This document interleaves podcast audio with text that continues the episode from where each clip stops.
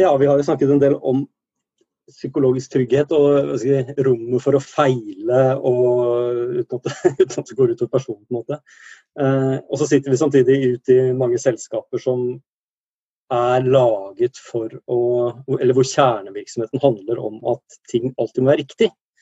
Og, og, da er det jo lett å tenke at sånne steder skal det ikke være rom for å feile. Og, og hva skjer da med Hva gjør man da med psykologiske tryggheten for, for mennesker som gjør feil? da?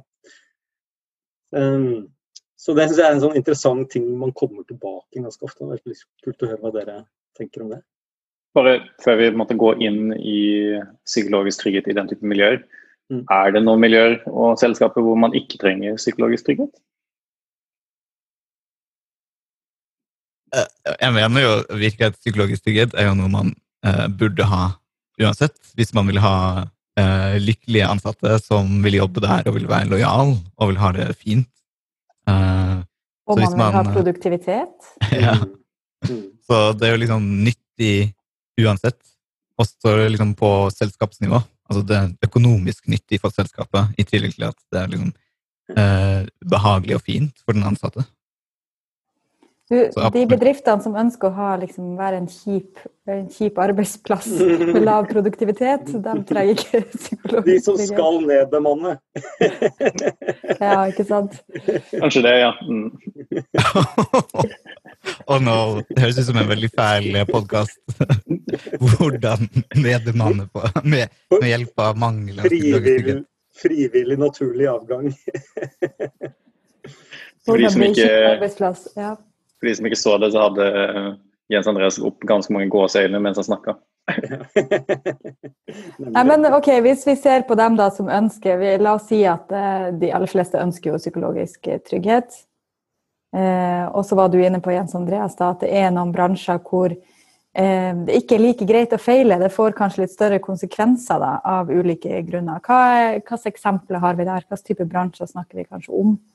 Jeg tenker sånn type finansforsikring, uh, altså De som er veldig sånn regelstyrte. Da. Uh, jeg tenker umiddelbart på Nav, altså den skandalen ja. som har vært i Nav.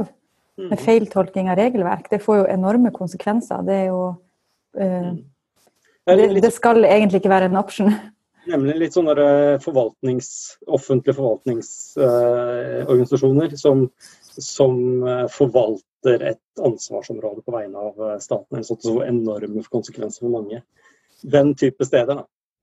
Jeg, jeg, tenker at en, en annen eksempel er kanskje når det, jo nærmere liv og død konsekvensene kan bli, eh, jo viktigere er det å ha stabilitet. Altså liksom om det handler om medisiner eller eh, helsevesen, så kan det også være type eh, veldig viktig med regler og trygghet. Så det er ikke på operasjonsstua at du prøver å feile? Ikke først Man gjør jo det. altså, ja, man gjør jo det. altså Eneste måten å drive operasjoner og, og den vitenskapen der framover, er jo faktisk å noen av og til må prøve noe. Uh, Men det går jo ganske mange runder tenker jeg, før du prøver det på et menneske. Du gjør en, en hel del research før du kommer dit. Ja, nemlig. Eh, det er, jo, en annen ting er jo sånne Jeg si, Jeg jobbet i Avinor det er også sånn det er sikkerhet, og det har vel kanskje med det liv og død du snakket om, Martin. Eh, men en annen ting som slår meg, er at sånne organisasjoner er gjerne, de er gjerne definert ut ifra at de er eh, den trygge, sikre enheten. Eh, og det gjør noe voldsomt med både interne prosesser og kultur, og hvem de ansetter, og hvem som egentlig bestemmer i, i, i selskapet. Og, og der er det jo litt interessant, hva gjør man da med eh, si, det rommet for psykologisk trygghet? Hva betyr psykologisk trygghet i en sånn setting? Hva betyr rommet for å feile i en sånn setting, og hva, hva gjør man med det? Ja, altså, Vi har snakket litt om psykologisk trygghet i forbindelse med utforskning eh, av nye forretningsområder eller nye løsninger osv. I den konteksten så er det jo egentlig ganske enkelt. Altså, det handler bare om at når du utforsker og gjør en feil i utforskningen, at personen ikke får skylda, på en måte, men heller kanskje prosessene eller problemene, eller man snakker om det på en saklig og liksom, eh, omforent måte. Men det er hvis man har mulighet til å feile. Hva hvis man eh, enten det er operasjonsstua eller det er liksom hos uh, fly, flybransjen, altså, hvor det ikke er mulighet til å feile, og du kan ikke lære av en feil, fordi den feilen vil aldri egentlig skje. Hvordan skaper man rom for psykologisk trygghet da? Lurer på om det er en uh, Kanskje jeg gjør det litt mer komplekst enn det vi, det vi, trenger, men jeg tenker at det kanskje også er en forskjell på hvor man velger å feile. Altså, du kan jo gjøre ganske mye uh, altså, hvis det er snakk om eh, å bygge et fly da, og teste ut en ny flymotor da, uten at jeg har peiling på det i det hele tatt, så tenker jeg at du gjør ganske mange tester før du sender flyet opp i lufta. Det finnes jo måter å teste på før du kommer dit, der det ikke er fare for liv og død. Eh, så det er jo noe med det også, at man må jo kunne liksom gjøre en del utforsking og feiling før man setter ting i produksjon. Og jeg tenker, jeg tenker, at Hvis man har et selskap uh, hvor det er nyttig å ha mye struktur og mye prosess, og egentlig være litt rigid da, i hermetegn, så kan man jo skape en uh, trygghet hos de ansatte ved å liksom, skape en forståelse for hvorfor denne prosessen finnes i det hele tatt. Uh, og når folk i bedriften skjønner hvorfor man har den prosessen, og hvorfor man har kanskje de litt rigide strukturene, da vil jo også skape en trygghet hos de ansatte. Eh, men hvis det er veldig lite transparent hvorfor man har de prosessene, og ikke skaper forståelse, da vil jo folk bli utrolig utrygge. Mm. Mm. Ja, fordi jeg tror du er inne på noe der, at eh, Trygghet handler ikke bare om at du vet at noen står bak deg hvis du feiler, men også at du har en transparent og forutsigbar prosess, og at ting er forståelig. på en måte da. Målene er forståelige, eh, hvordan man går frem mot målene er forståelig, du skjønner jobben din, og du skjønner hvordan folk agerer rundt deg. Jeg tenker altså, Problemstillingen er litt sånn der, den er veldig sånn hardhendt. Hvis du skjønner, Det er en veldig sånn grov problemstilling som jeg tror mange tar veldig lett på. at du har, du, har, ting som må virke. Det betyr at vi har ikke rom for feiling. Dermed så har vi ikke rom for eh, menneskelig svikt eller et eller annet sånt. og Dermed så må vi slå hardt ned på det. Eh, og det er som, som, Pia var inne på, det er, det er, litt for Det er ikke så det, det er en falsk dikotomi, da. Det er ikke sånn de er motsetninger. Så lenge man vet hva man kan feile i, og hvilket rom man har, og hvilke prosesser man rigger rundt det rommet hvor man kan feile, og hvor, hvor det ikke skal feile, så, så, er jo, eh, så, er det jo, mange måter man I hvert fall de gode selskapene som er trygge og stabile, de, de har rigget seg på en sånn måte at eh, man både får eh, Eh, de trygge medarbeiderne, men også sikkerheten og stabiliteten i, i, eh, i systemene. Noe som er måte, veldig nærliggende for oss, er jo når man skal produsette. Når man ja. skal gå ut i produksjon. Og Hvis man skal lage en applikasjon eller system som skal produsettes, og det ikke er mulighet for å ha feil, så er det veldig lett å tenke at uh, da skal vi gjøre alt mulig vi kan av testing før vi når produsettingsdatoen. Og Det kan godt hende at det er liksom riktig i noen kontekster, men jeg tror det en annen satsing der kunne vært vel så mye å redusere effekten av eventuelle feil. Ved å eh, ikke bare ha en sånn big bang-forutsetning, men også gjøre det liksom eh, gradvis utrulling, f.eks. Eller at man forventningsstyrer de forskjellige måte, aktørene rundt. At det kan oppstå feil, men de feilene blir rettet fort. Mm. Eller at man iverksetter andre på en måte, mitigerende tiltak på den måten. Da. Det var jo egentlig et litt konkret eksempel når jeg jobbet med en forsikringskunde, og vi skulle lansere helt nye forsikringsdokumenter på tvers av alle produkter de hadde. Og da kan jo folk klage hvis uh, jussen er feil da, i de dokumentene. Uh, og det kunne jo fått ekstremt store økonomiske konsekvenser for uh, selskapet. Hvis, hvis, det sto feil i juridiske dokumenter. Da.